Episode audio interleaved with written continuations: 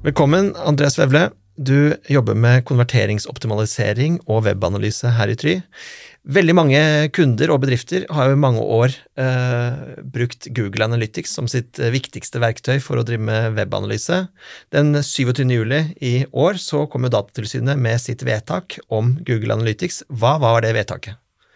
Jo, eh, det vedtaket eh, dreide seg om eh, hvorvidt Google Analytics var lov eller ikke. Det har det vært mye diskutert de siste årene, etter at det, kom, kom, noen domstoler i Østerrike og Frankrike bl.a. som, som, som tilsa at det ikke var det.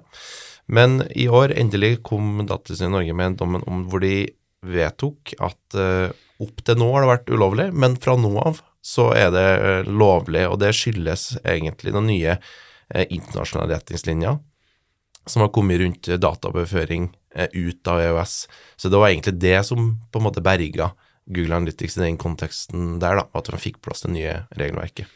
Så betyr det at man kan bruke Google Analytics som før?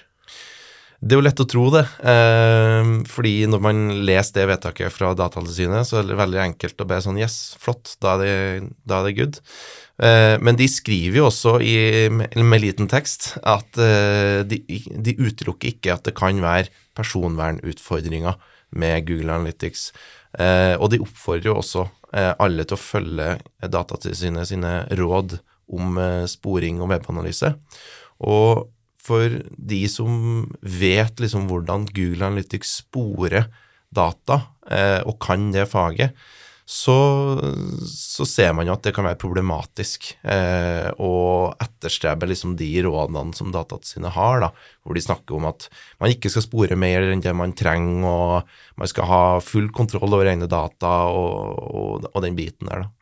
Men hvis jeg da er en eh, bedrift og eh, leser både vedtak og eh, saker på Datatilsynet, og, men er veldig avhengig av i hvert fall det Google Analytics gir meg i dag.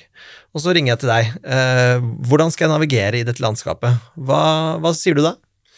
Altså Det første man må stille seg spørsmål om, er jo trenger man egentlig Google Analytics? Det er jo et veldig komplekst verktøy, så eh, for veldig mange så finnes det jo gode, eh, enklere, mer personvennlige alternativ. Som hva da? Eh, Plausible, eksempel, er en favoritt av oss, som eh, bruker ikke cookies, eksempel. Så hvis man kun bruker Plausible til å spore på nettsida si, så trenger man jo heller ikke cookie-banner, som jeg vet er veldig mange nett, nettsidebrukere som er, som er veldig fornøyd med. Så det, så det, er et veldig godt, eh, godt, eksempel på et alternativ, men det er veldig mye enklere, veldig mye basic. Så for de som fortsatt har behov for på en måte den funksjonaliteten som finnes i Google Analytics, og den, eh, det avanserte verktøyet som det er, så finnes det heldigvis en metode for hvordan vi kan implementere det, sånn at det blir eh, mer eh, i henhold til Datatilsynet sine råd. Um, og det vi gjør da, er en såkalt server-side implementasjon. Så det det betyr egentlig, er at uh, vi kjører det på våre egne servere. Uh, og da vil den serveren fungere egentlig som et skjold mellom nettsida vår og, og, Google Analytics, sånn at vi uh, i større grad har kontroll på eh, hvem som mottar data fra nettsida vår, hva de mottar. Eh, og alt foregår i en førstepartskontekst.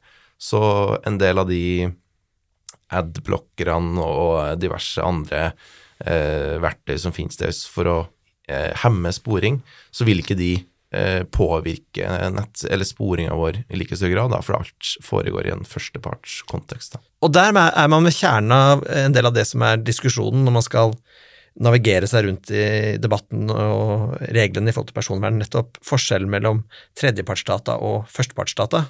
Kan du hjelpe oss å navigere litt der? Ja, jeg kan eh, gi det et forsøk. Så for å begynne med tredjepartsdata, det er jo alle liksom forespørsler uh, som vi får utenfor på en måte uh, vårt domene, som vi har kontroll på. Så et sånn klassisk tilfelle på det er jo Eh, Facebook-piksler eller Google Analytics, sånn som det var før i tida, hvor, eh, hvor, serveren til Google i USA ofte bare sender forespørsler om ting den trenger å vite, eh, til vår server, og så går det av seg sjøl. Um, mens førstepartskontekst er jo alle forespørsler som foregår innenfor vårt domene, hvor vi har kontroll. Da. Så det vi gjør, er at vi flytter det inn på en måte i vår uh, tillitssirkel, Uh, og, og, det gjør at vi kommer oss uh, utenom en del av de her litt problematiske GDPR-verktøyene som finnes der, som, som, som, blokkerer en del av de sporingene vi har. Da. Og det, Fordelen med det her er jo ganske mange, men eh, for det første får vi jo eierskap til egen data, vi får kontroll på egen data, nettsida blir raskere. I tillegg til at vi kan sette våre egne cookies, som kan, i stedet for at de varer toppen ei uke, så kan de vare i opptil to år. Ehm, så det er masse fordeler med det.